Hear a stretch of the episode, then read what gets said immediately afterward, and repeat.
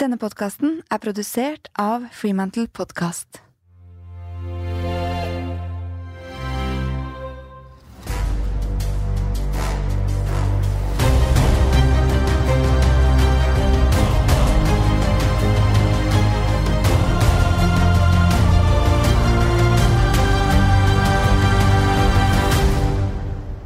Velkommen, kjære lytter, til siste episode av Grit i sesong tre. Det kommer en sesong fire, så har jeg sagt det med en gang. Jeg håper du sitter igjen med mange gode strategier og tips til hvordan du kan optimalisere din hverdag, og ikke minst utvikle din grit etter alle disse episodene. For det er jo sånn at når vi har mer grit, så har vi det også bedre med oss selv. Og etter denne sesongen må jeg si det er mange ting jeg tenker på, og som jeg selv skal ta med meg. Det ene er hvordan Erna kategoriserte kritikk. Det syns jeg var helt uh, genialt. Det andre er hvordan Elin var god på å evaluere prestasjonene sine og satt igjen med masse læring. Det tredje, hvordan Martin Schutt bestandig satte ting i perspektiv når ting var skikkelig tøft. Veldig god påminner. Og det fjerde er jo hvordan vår siste gjest, altså Randi Mariamma, eide kalenderen sin og hele tiden styrte prioriteringene sine beintøft. Og la oss gå litt inn på Randi. Fordi hvis jeg skal oppsummere den samtalen, så vil jeg jo si at uh, det står igjen en sånn setning for meg, og det er at godt gjort er bedre enn godt sagt. Og jeg la også merke til hvordan denne konstante, litt sånn utålmodigheten i Randi spiller henne god på hele tiden få framdrift. Og det er jo definitivt et grit-tegn. Men vi skal bruke mest tid i denne episoden på å snakke om noe som veldig mange av dere lyttere har skrevet til meg og ønsket dere mer om, nemlig tidsstyring. Og før vi går over til vår time management-ekspert på telefon, la oss høre hva Randi sa om temaet selv i forrige episode. Jeg eier kalenderen min. Og jeg har jo opplevd, eh, og observerer jo folk rundt meg som løper i det hamsterhjulet, hvor du bare løp fra møte til møte. Hadde ikke lest på det du skulle inn i møtet om, hadde ikke noe formening om hva du skulle få ut av det, men egentlig bare å komme deg gjennom dagen. Da er du på feil spor. Jeg ser alltid på kalenderen min et par-tre ganger i løpet av uken, hvor også jeg ser da på de neste ukene, og så bestemmer jeg meg for hva jeg skal bruke tiden på. Jeg har eh, sikkert trippeldbookinger hver uke. Og så gudskjelov har jeg nå litt hjelp til å, og til å liksom da takke pent nei, eh, men jeg setter prioriteringene i dialogen da med, med hun som hjelper meg med det. Men det, det er viktig for meg det der å, å, bruke tiden min riktig. Og jeg, og jeg, prøver å coache lederne mine på det samme, for eh, vi, vi kan alle være så busy som vi bare vil. Det er ikke det som er problemet. Problemet er hva du bruker tiden din på. Og som Randi er inne på her, tid er jo noe vi alle har et forhold til, og det er ikke til å stikke under en stol, da, at det er utfordrende å få det til på en god måte. Og derfor så skal jeg ringe til en av Norges beste på time management. Cecilie Tunem Sonnum er en prisvinnende foredragsholder innen kommunikasjon og tidsstyring. Hun er også forfatter, har skrevet bok om temaet, og er rådgiver, mentor og mamma. Og hun jobber bredt med både offentlige og private virksomheter, med hele landet som arbeidssted. Så jeg tenker at dette er en god kilde å spørre om hvordan vi andre kan bli like gode som eh, Randi og ta kontroll over kalenderen vår, og ikke være et resultat av alle andres requests.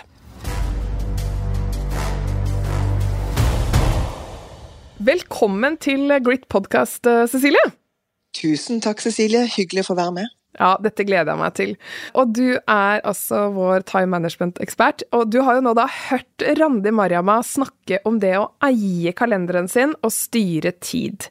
Men hva tenker du det ligger i det å eie sin egen kalender? Jo, jeg syns det var fantastisk å høre dere to snakke om akkurat det, for det er jo et favorittema. Jeg syns det er essensielt. Det preger hverdagen på jobb og på fritiden 24-7, hvorvidt du eier kalenderen din eller ikke. Det å, å, drive med verdibasert tidsstyring og det å føle seg indrestyrt framfor ytrestyrt, det er kjempeviktig. Mm. Du har skrevet en bok som heter uh, Tid til alt, er det riktig? Ja, stemmer det. Ja, ikke sant? Ja. Men i bunn og grunn, Cecilie, hva er dine beste tips til god tidsstyring? Ja, hvor mye tid har du? Nei, det er noen ting som skiller seg ut, og som går igjen når jeg er ute og trener andre på tidsstyring, som, som folk sliter med. Det nummer én, altså det å eie tiden selv. Altfor mange gir ut tiden sin til folk som ikke trenger å vite hvordan de prioriterer, og ikke vil vite det, kanskje. Så med å eie tiden selv, så mener jeg det å, å unngå å gi ut hvorfor du ikke kan stille, til folk som ikke trenger å vite hvorfor. For det folk er opptatt av, det er når kan du stille for den personen eller gjøre den oppgaven. Ikke hvorfor du ikke kan. Da snakker jeg ikke om nærmeste leder, kanskje, men uh, alle de andre. Unngå å gi ut tiden din og kalenderen din til folk som ikke har bruk for å vite årsak.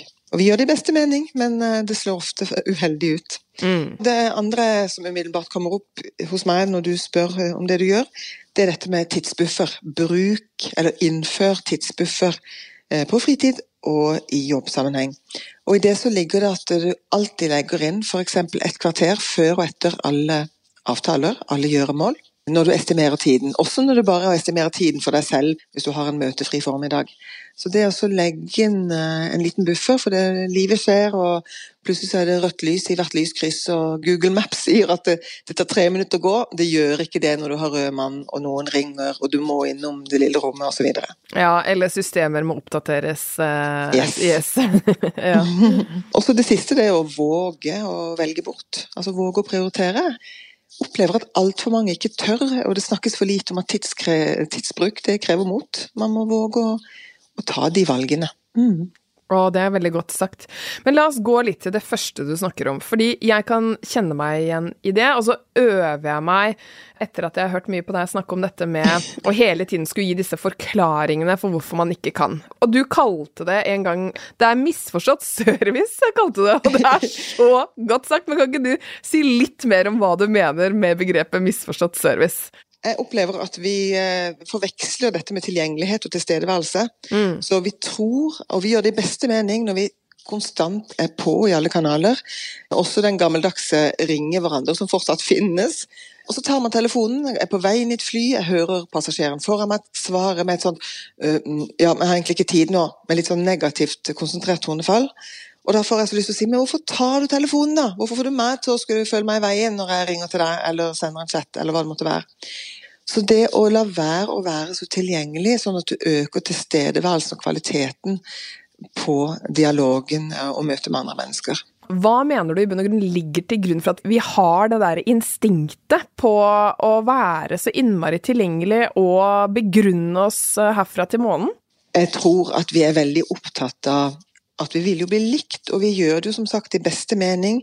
Noen gjør det i frykt for å ikke få eh, goder eller fordeler, men jeg tror veldig veldig mange, og det er også min opplevelse hos toppledere og, og taxisjåfører, hele spekteret, det at vi vil jo så gjerne, og vi gjør det fordi vi har lyst til å være imøtekommende, altså rett og slett serviceorienterte, og så blir det feil. Og så kan det også være at vi er litt redde for hva andre skal synes om oss, da. Ja. Men du, det jeg syns er vanskelig i en sånn setting, jeg, bare sånn, jeg tar så godt det poenget, og bare kjente at der møtte jeg meg selv big time. Men jeg syns det kan være utfordrende å vite hva skal jeg si i stedet, for jeg vil jo fortsatt være serviceorientert og uh, profesjonell, og gi en respons. Ikke sant? Så, så hva kan man si i stedet, for å da utgreine i det lange? Ja, hvis du tenker på eh, Hvis folk vil ha tiden din, og det ja. ikke passer, mm. så er det å altså, Det må øves inn. Eh, finne din sjargong, ord som ligger naturlig i ditt vokabular, ellers blir det veldig lite troverdig. Ja. Og det er for seint når du står i situasjonen. Så når du, Cecilie, blir spurt om noe der og da, så må du ha øvd inn et par nesten replikker som uh, fungerer. Som at det, det passer ikke da. Eller uh, det har ikke kapasitet til. Litt avhengig av relasjon og hvem du snakker med, om det er jobb eller privat. Rett og slett trene det inn, mm. og så bite seg i tunga. La være å si hvorfor, med mindre det er noen av dine nærmeste på jobb eller på privaten. Ja. Det er kunsten. kan jeg spørre om hva dine replikker er? Ja, jeg har noen sånne standarder jeg sier det kan jeg ikke, men kan du da eller da? Så gir jeg alltid to alternativer, men ja. da må jeg mene det. Så hvis noen vil eh, Nå røper jeg mye her, men hvis noen vil møte meg klokken ni, så er det svært sjelden jeg kan det, hvis ikke det er foredrag, da. Men eh, hvis jeg er på kontoret, så er jeg opptatt fram til klokken er halv ti hver dag når jeg ikke har foredrag. Og det er fordi at jeg kjører crossfit-økten min, som gjør at jeg kan prestere. Men hvis jeg hadde sagt til kunden min at nei, nei, da er jeg på gymmet, ja. så uh, ville det slått ganske så uheldig ut uh, som en isolert uh, sak. Det er litt kult å høre, da. Du setter den egentiden av like høy verdi som om du skulle gjort noe annet i businessen din. For du driver jo også din egen business, og lever jo av det. Så jeg syns det er ganske kult at du har mot igjen da, til å ta deg inn i kalenderen. Ja, men kan du ikke si litt om det? For det, det er ganske mye grit i det. Ja, tusen takk. Jeg er veldig opptatt av dette med handlekraft. Og så opptatt av å være At man må ikke ha så spisse albuer og være så hard. Folk kommer ofte til meg og sier sånn 'Å, kan du lære meg å si nei?' Og, og, så tror de at da må man være litt sånn brutal. Og jeg lever veldig etter at dette må være mildmodig og målrettet. Så jeg pleier å si at eh, du kan sette grenser, du kan si nei og fortsatt være et ja-menneske.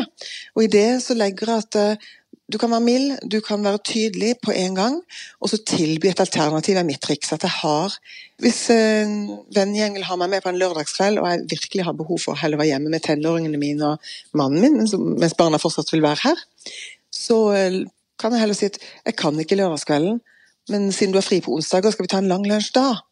Og hvis ikke det er viktig nok for den venninnen, så ja vel, så har jeg i hvert fall prøvd. Jeg tror, jeg tror ikke det er eh, Dette er et undervurdert tema å faktisk snakke om, fordi vi er alle mennesker og, og har disse iboende driftene i oss som har lyst til å, å komme på nett. Anders Solheim angrer på at han trodde at russerne faktisk ville hjelpe han med å drive antidopingarbeid. Mer kunnskap om hvem de hadde på den andre siden av bordet, kunne avslørt både fagre, tomme ord og løfter, mener han i dag. Og i vår annonsør Skipsted Bedrift sin ferske e-bok åpner norske ledere opp om tabbene som formet dem. Kjempespennende. Noen av de er alvorlige, noen er morsomme, andre er ifølge dem selv flaue. Fellesnevneren er at alle tabbene innehar verdifull læring for lederne, som ved å åpne opp om flausene også åpner for at andre kan lære av deres feil, og kanskje slippe å begå dem selv. Selv om det kan være kostbart for en leder å gjøre feil, koster det i hvert fall lite å få medarbeideren til å tenke større. For det løser Skipstedt Bedrift veldig enkelt for deg med spesialtilpassa avisabonnement til dine ansatte.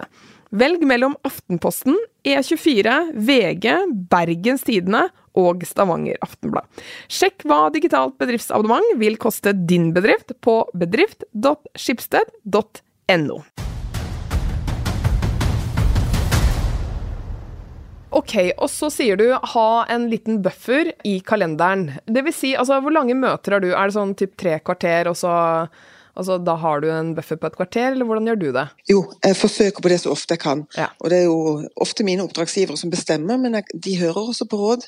Så når jeg sier at uh, går det bra med 40 minutter, går det bra med 50 minutter, så sier de veldig ofte ja, det passer bra, for jeg har neste møte ti minutter etter det. Så blir de jo glad for å få det mellomrommet, de også. Så det med tidsbuffer det er jo et tankesett egentlig som du ikke bare har i kalenderen, for det blir for tidkrevende å drive og putte inn de der kvarterene her og der, men i all kommunikasjon med alle rundt oss og oss selv, det å hele tiden legge inn litt slekk. Jeg syns du er så fin på måten du formulerer deg på, for det er klart at det, er veldig mange som tenker at uh, kunden er sjefen, og det, det, det, kan det på mange måter være i veldig mange serviceyrker, men de lytter også til råd, sier du. Og det var en veldig sånn fin setning. og jeg tror veldig mange blir glade når man tenker at vi, vi kan jo faktisk klare å komme oss gjennom tematikken på tre kvarter eller 50 minutter, da. Mm. Ja, jeg prøver å tenke sånn at jeg vil jo levere kvalitet, og hvis jeg skal være best mulig for min kunde eller samarbeidspartner, så må jeg jo sette noen grenser. og Gå på den treningsøkten, eller eh, rekke å snu om hodet fra forrige møte. Så, så, jeg tenker hele tiden at